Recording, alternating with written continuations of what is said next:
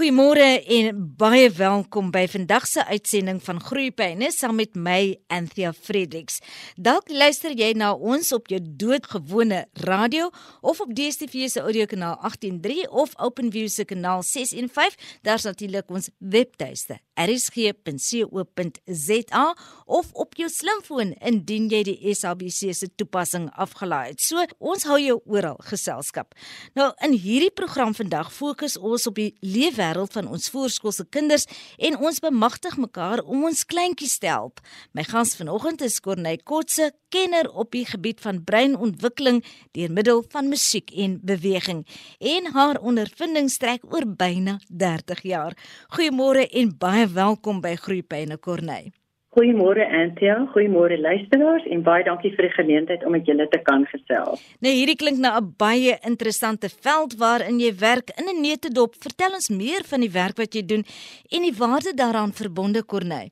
En ja, ehm um, jong musiek in die mens, dit is so nou verweef. Musiek is oral rondom ons. Ehm um, ek weet of jy al opgemerk het as jy by 'n robot stop en 'n uh, motor stop langs jou en die stuurwiel van daardie persoon word absolute trom waarop die ritme uitgetik word nie, dan weet jy nou eintlik hierdie persoon luister na musiek. Of wat ook partykeer gebeur is daardie aha oomblik tussen twee mense, dit is ons liedjie So daar's altyd 'n plek en 'n tyd betrokke. Dit kan wees 'n skooltoery liedjie van saam met jou kinders, dit kan wees jou trouliedjie wat jy die baan jou geopen het of wat ook al.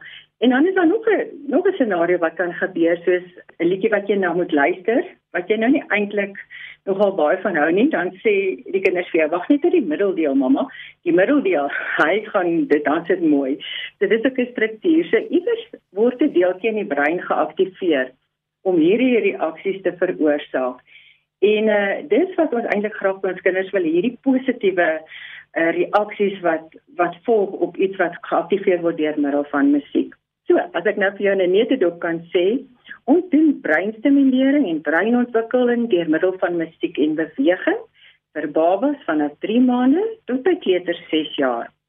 Eintlik uh, bou ons nuwe en ons versterk daai reeds gevestigde breinpaadjies of neuronetwerke.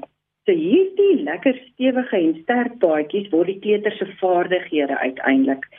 Maar ongelukkig is die swakker paadjies dalk die rede vir hulle leeruitdagings in die skool en in die leerproses. So ons wil hulle regtig help met musiek en beweging. Maar hoe werk dit dan nou prakties? Prakties werk dit so jy het al baie gehoor mense sê as musiek gespeel word gaan al die breinliggies aan. Maar wat beteken dit nou eintlik? Mens moet eintlik mooi daaroor dink. So as ons die antwoord op hierdie vraag wil hê, moet ons eers die breinfunksies verstaan om sin te maak hiervan. So ons moet weet van hoe lyk die breinfunksies, wat gebeur in die brein as musiek dan nou speel. So dis belangrik dat ons die vlakke van die brein net ook ehm um, ken, soos ek gaan hulle sommer so kortliks noem. Eerste vlak is 'n fisiese vlak uh dis die vensterperiode van 'n kind is omtrent geboorte tot ongeveer 14 maande en al die lyfievaardighede soos die spiertjies en die sintuie word hier geaktiveer. Dan die tweede vlak van die brein is die emosionele sosiale vlak. Die vensterperiode ongeveer kom ons sê 15 maande tot 4 jaar. Die tegeltoes is natuurlik in die middel, soos jy weet. Maar in my musiekklas praat ek eerder van the terrific twos. Dit verskuif nog van die persepsie net na positiewe ehm um, goed wat daar uitkom. So wat gebeur hierso? Die hartjie, die emosies en die sosiale deeltjie van die kind word hierso gestimuleer en gevorm. En dan die boonste vlak is die kognitiewe of die dinkvlak. Die vensterperiode hiervan is ongeveer 4 jaar en ouer. So dit is waar voorbereiding vir leergereed in skool gereed vir al plaasvind. Goed, kom ons begin dan by die fisiese gedeelte. Dit is die lyfie. So aktiwiteite vir hierdie vlak is alles wat met die lyfie te maak het. So ons doen lyfie, liggaamskaartwerk, ons doen liggaamsherkenning, ons werk met balans, ruimtelike oriëntering met ander woorde rigtings. Ons werk op die groot spiertjies wat ontwikkel voor die fyn spiertjies. Ons kyk na middellynkruising natuurlik alles op die maat van musiek en beweging. So dit is ons dit is ons goue draad wat dwarsteer loop. So musiekaktiwiteite wat hier plaasvind is byvoorbeeld impulsbeheer van beweging stop, beweeg soos verskillende diertjies of 'n voermiddel beweeg in verskillende rigtings vorentoe, agtertoe, op en af. Jy kry die idee, nê? Nee, so allerlei bewegingsspeletjies om die fisies dan nou te stimuleer. Die tweede vlak wat ons dan nou kry is die emosionele deeltjie van die brein. Dit is presies wat dit wat dit sê. So die klein ding moet goed voel oor homself sodat hy kan goed voel oor die maatjies rondom hom. En dit is gewoonlik die kleuterskooljare dit is baie belangrik dat hulle emosioneel goed gestimuleer word en daai baadjie sterk gevorm word. Want dit is eintlik iets wat jy nie kan toets nie, maar uh, wat belangrik is vir die grootskool en vir die lewe vorentoe. So, hoeveel keer sê ouers nie, "Oeg, hulle baba of hulle kleuter hou baie van musiek want hulle beweeg die hele tyd as hulle musiek hoor." So wat is dit nou eintlik? So volgens navorsing is dit veral die hormoon dopamien wat afgeskei word tydens musiekaktiwiteite. Dit is 'n goedvoelhormoon wat jou kleutertjie op daardie oomblik emosioneel positief laat voel. So dit is ook wat die baba soms ek sê dit sou sommer net tong en kies laat dans voor hy kan loop. Die genot van die musiek, die emosionele implikasie van die musiek, laat daai spiertjies skielik reageer en in beweging kom al is dit eintlik nog heeltemal refleksief en ongestruktureerd maar daar's genot in. Ek voel goed oor die musiek wat baie belangrik is. Die aktiwiteite vir dit is soek en vind. Dit moet lekker om gekry te word. Dis hoekom wegkrippertjie so lekker is nê. Nee. so ons kan op die maat van musiek wegkrippertjie ook speel want dit is lekker om gesoek te word en gevind te word Ons kan ook met 'n maatjie dans of in 'n groep waar ons spasie deel want om spasie te deel is 'n sosiale vaardigheid. So ons leer dat ons moet doen wat almal doen en wat is nou lekkerder om 'n valskerm almal saam vas te hou en te beweeg. En dan natuurlik um, om dan ook te dans of te beweeg of 'n instrument te bespeel soos wat die musiek jou laat voel. So die emosionele deeltjie is werklik nogal ook 'n groot fokuspunt. En dan kom ons by die derde vlak, dis die kognitiewe vlak van die brein of die dinkbreintjie waar die besluitneming dan nou plaasvind. Hier is waar persepsies uh, gevorm word. Nou persepsie beteken om dit wat ek voel, hoor of sien en dit wat ek ontvang om dit te kan verstaan. So ek moet my taal kan gebruik, ek moet probleemoplossings kan doen. Ek moet goed voorberei wees vir formele lees en skryf. So ons gebruik ongelooflike auditiewe wat beteken luister en dan ook visuele om dan ook die sien van 'n aanhalingsteken van musiek en van persepsies dan ook te stimuleer. So dit is hoe dit prakties dan ook dan nou toegepas kan word. As ek nou na alles luister wat jy nou net opgenoem het Corneille, is dit 'n heelwat van 'n holistiese benadering wat gevolg word, nê? Nee? Dis toe terug in sy ja, want dit is hoekom ons altyd praat van geheel breinontwikkeling. So dit maak nie saak watter deel van die brein uh, betrokke is nie, albei is altyd betrokke by musiekstimulering. So dis ook maar sê al die liggies gaan aan in die brein. Daar is klomp deeltjies wat geaktiveer word met een aktiwiteit en hoe ongelooflik is dit nie? Wat wat 'n middel, wonderlike middel is dit nie om om jou kind te help om dan ook dan daai breinbaadjies te kan bou nie. Jy het vroeër gepraat oor um, ouers wat kan spog met 'n baba wat so lief is vir musiek, 'n kleintjie wat al reeds as hulle musiek hoor so opgewonde raak. Maar kinders word van jongs af aan musiek blootgestel selfs in die baarmoeder wanneer mamma swanger is. Hoe belangrik is daardie eerste kennismaking met musiek? Ja, jene, dit is ongelooflik belangrik. Dit is soos jy sê, Anthea, almal eh, reageer op musiek. Dit is net daardie um, iets wat wat kindertjies en mense laat beweeg. So dit is amper half uh, gegeewe dat 'n mens dan reageer. Dit is wat jy daarmee doen verder. Maar die bekendstelling daarvan uh, gebeur dan ook heeltemal outomaties, soos byvoorbeeld in utero soos jy nou ook genoem het. Tussen 23 en 25 weke is die gehoorstelsel van van die baba al gevorm in utero. So nou begin baba klankies hoor van buite en binne in die baarmoeder. En hierdie klanke is baie gedemp want dit word nog beskerm. Want die gehoorsentrum moet nog vreeslik beskerm word. En dit is hoekom ek ook ehm um, wil beklem toe en daar geen harde musiek gespeel moet word nie. Dit is dalk nie so 'n goeie idee om oorfone op jou maag te sit en musiek te speel nie. Dit moet 'n natuurlike manier wees van luister, so dit moet gedemp wees. Anders kan dit dalk die gehoorsentrum ook beskadig. So wat hoor hulle? Hulle hoor natuurlik mamma se hartklop wat ongelooflik iets is wat hulle rustigheid kan gee. Hulle hoor mamma se stem. Hulle hoor haar sang wat belangrik is, haar neerie klanke en dan hoor hulle ook klanke van buite. Pappa se stem, hulle ken hom nog nie, hulle weet nie wie hy is nie. Hulle hoor net hierdie stem en dan hoor hulle ook natuurlik klanke in die huis en in winkels byvoorbeeld.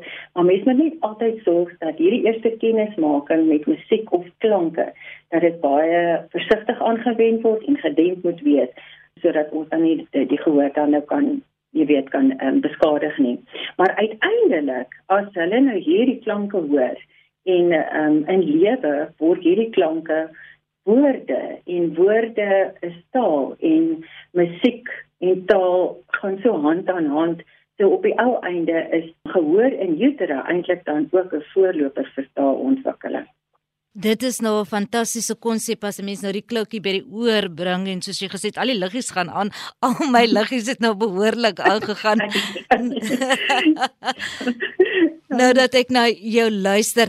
Maar ja, selfs daardie klanke in utero, in die baarmoeder, het alles ritme, nê? Nee.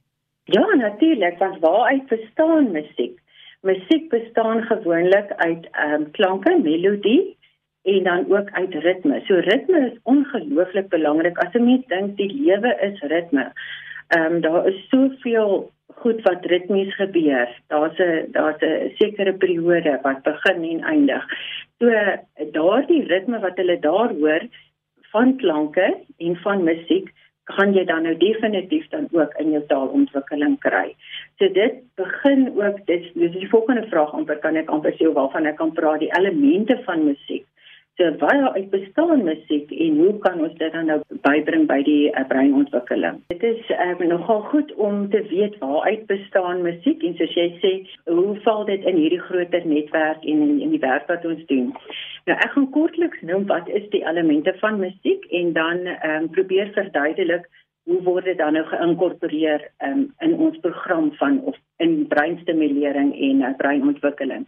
So een van die elemente van musiek is natuurlik melodie. So wat is melodie? Dit is 'n reeks note wat saamgevoeg word en 'n goeie melodie is 'n liedjie wat jy altyd onthou. Ehm um, so met ander woorde wat diep in jou geheue begrawe is. So ek wil miskien vir jou vra.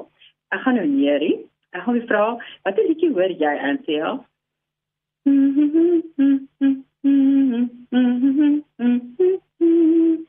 Kan jy vir my sê? Feels geluk liewe maatjie omdat jy verjaar. Wonderlik. Jy is reg. So daar's nou dopamien uh, losgebars in jou in jou brein want jy voel goed. Met ander woorde jy het dit onthou. Jy het hierdie liedjie onthou vasgesteek by jou. En dit is musiek. Dit is 'n melodie, 'n goeie melodie want hy bly by jou. So met ander woorde as ons melodie het wat wat mooi is en wat 'n mens kan onthou, dan is dit absolute emosionele inspuiting vir jou brein. En dan eh, die volgende kenmerk of element van musiek is harmonie. Nou harmonie beteken dit is akkoorde dis note wat op mekaar gestapel word en wat gelyktydig gespeel word en hierdie akkoorde beïnvloed die atmosfeer van die musiek. Navorsing het getoon as jy nou die dag nie lekker voel nie, jy is omgekrap en alles loop skeef, dan is 'n vrolike liedjie wat jy gaan luister dalk nie so effektief nie.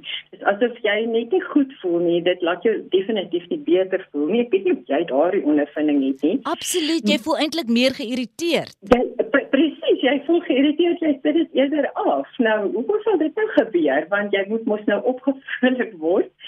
Maar die teendeel is as jy 'n hartseer of 'n bietjie melankoliese weemoedige liedjie opsit, dan voel jy ag ek kan hier in baie ek kan bietjie hierna luister want die musiek verstaan hoe jy voel kan jy verstaan hoe belangrike emosies in musiek is dit laat jou voel hierdie komponis of hierdie persoon wat hierdie liedjie het uh, sing het jou. Het jy dit also ondervind? Absoluut. Hierdie liedjie verstaan my.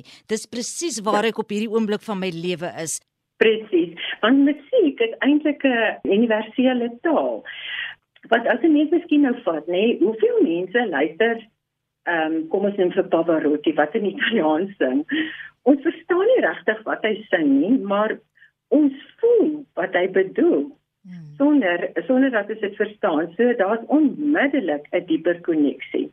En hoe ongelooflik is dit nie belangrik nie, want as jy 'n dieper koneksie het met jouself en met musiek, dan is jou brein oop, dan is die moontlikhede legio.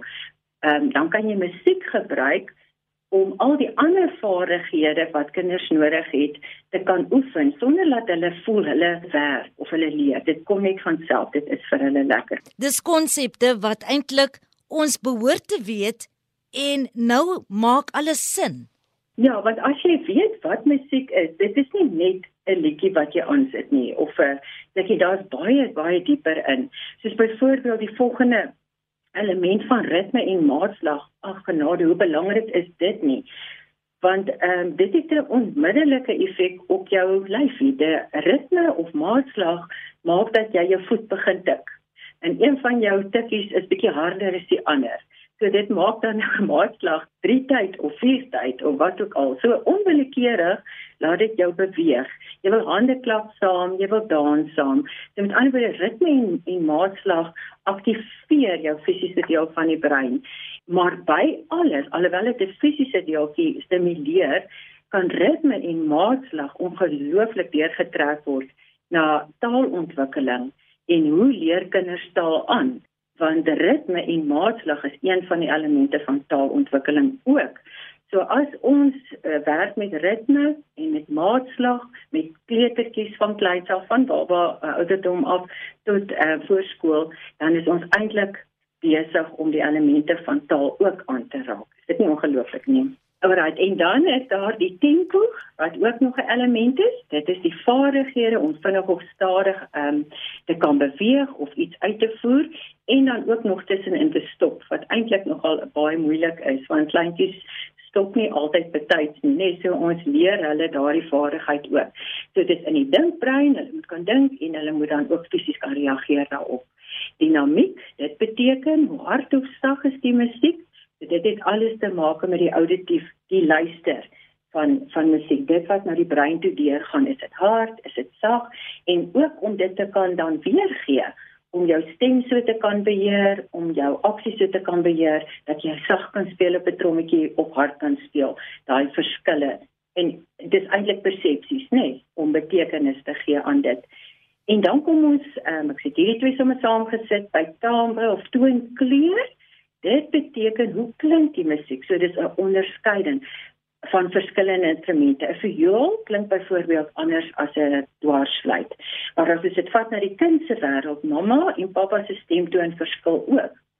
En hulle leer dit ook aan en hulle leer dit ook ken. Hulle hulle luister na die na die pitch, na die toonhoogte van jou stem dalk voor hulle reageer. Jy weet As jy 'n bietjie hoor en 'n bietjie angstiger begin praat, dan tel hulle die blokkies op. Ek weet nie of jy dit al ervaar het nie. Mm, mm. So dit wil sê ons dra emosie ook dan oor deur ons stem wat 'n klank is wat voorloper totaal is.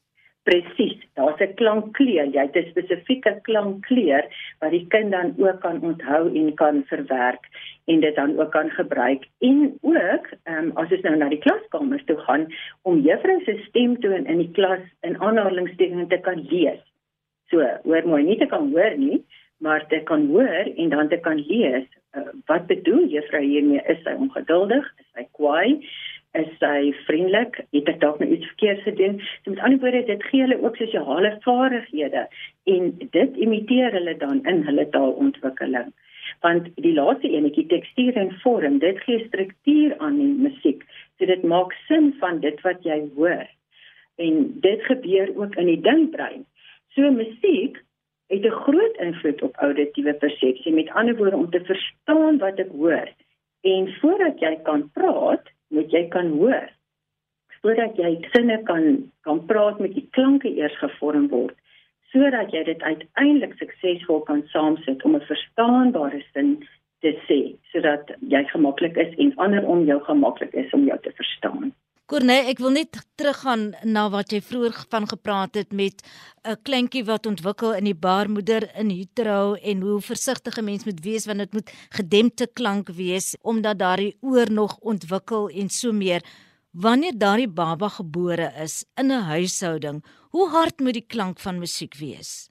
Dit moet agtergrondklank wees aan. Ja, jy weet dit is nie nodig om nou doelbewus die musiek aan te sit nie. So dit moet deel wees van die agtergrondmusiek. So as dit te hard is vir jou, moet jy besef as jy wonder, is dit te hard dan is dit te hard. So dit moet 'n baie rustige agtergrond ehm um, gedempte klank wees. Maar ek sal amper sê gebruik jou eie stem.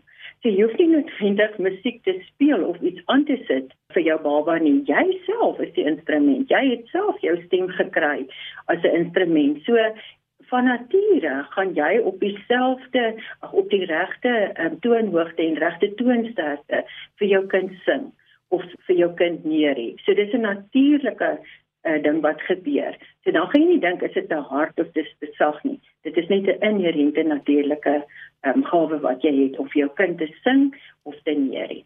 En die tipe musiek, ons het almal verskillende smake? Ja, onthou nou, binne daai eerste 6 weke is dit belangrik dat baba aanpas in in hierdie nuwe wêreld. So ons moet hulle definitief baie rustiger hou. Hulle moet ontspanne wees sodat hulle al daai aanpassings kan doen wat wat belangrik is.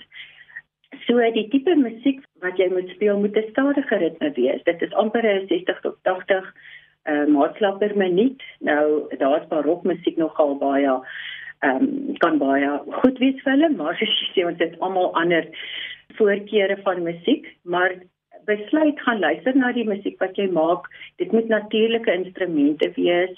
Dit moet vioolmusiek wees, dit moet dalk fluitmusiek wees, dit moet meer instrumentale musiek wees met 'n baie stadige en rustige ritme sodat die die kalmerende effek dan op die babatjie kan plaasvind. Want jy wil nie daardie baba met soveel om aan te pas. Hulle moet in hierdie wêreld nou self asemhaal, hulle moet self eet, hulle moet kan slaap en alles. So musiek is dan nou absoluut nie vir kalmering.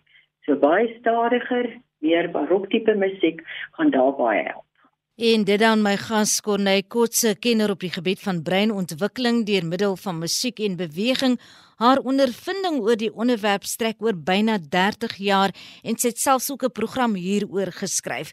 Maar ons is aan die einde van hierdie week se uitsending van Groeipyne. Die tyd het ons ingehaal. Corneille, baie dankie vir ons gesprek vanoggend. Indien mense met jou in verbinding wil tree, hoe nou gemaak? Baie dankie Anthea, dit was vir my ook baie lekker. So hulle kan my kontak op my selfoonnommer is 082 971 3448 of hulle kan my kontak per e-posadres, dis corney@music.education.co.za. En hierdie besonderhede sal dan ook op ons webtuiste gelaai word indien jy daar 'n draai gemaak saam met die potgooi van vanoggend se gesprek, dan kan jy dit daar gaan kry om met Corneille kennis te maak, nader kennis te maak en haar dan te kontak Baie dankie Anthea. Ja, dit is groetheid van my kant af Anthea Fredericks hier op Groeipyne. Uit die mooie Kaap groet ek jou tot volgende donderdag om 12:30 wanneer ons saamgesels oor die leefwêreld van ons voorskoolse kinders.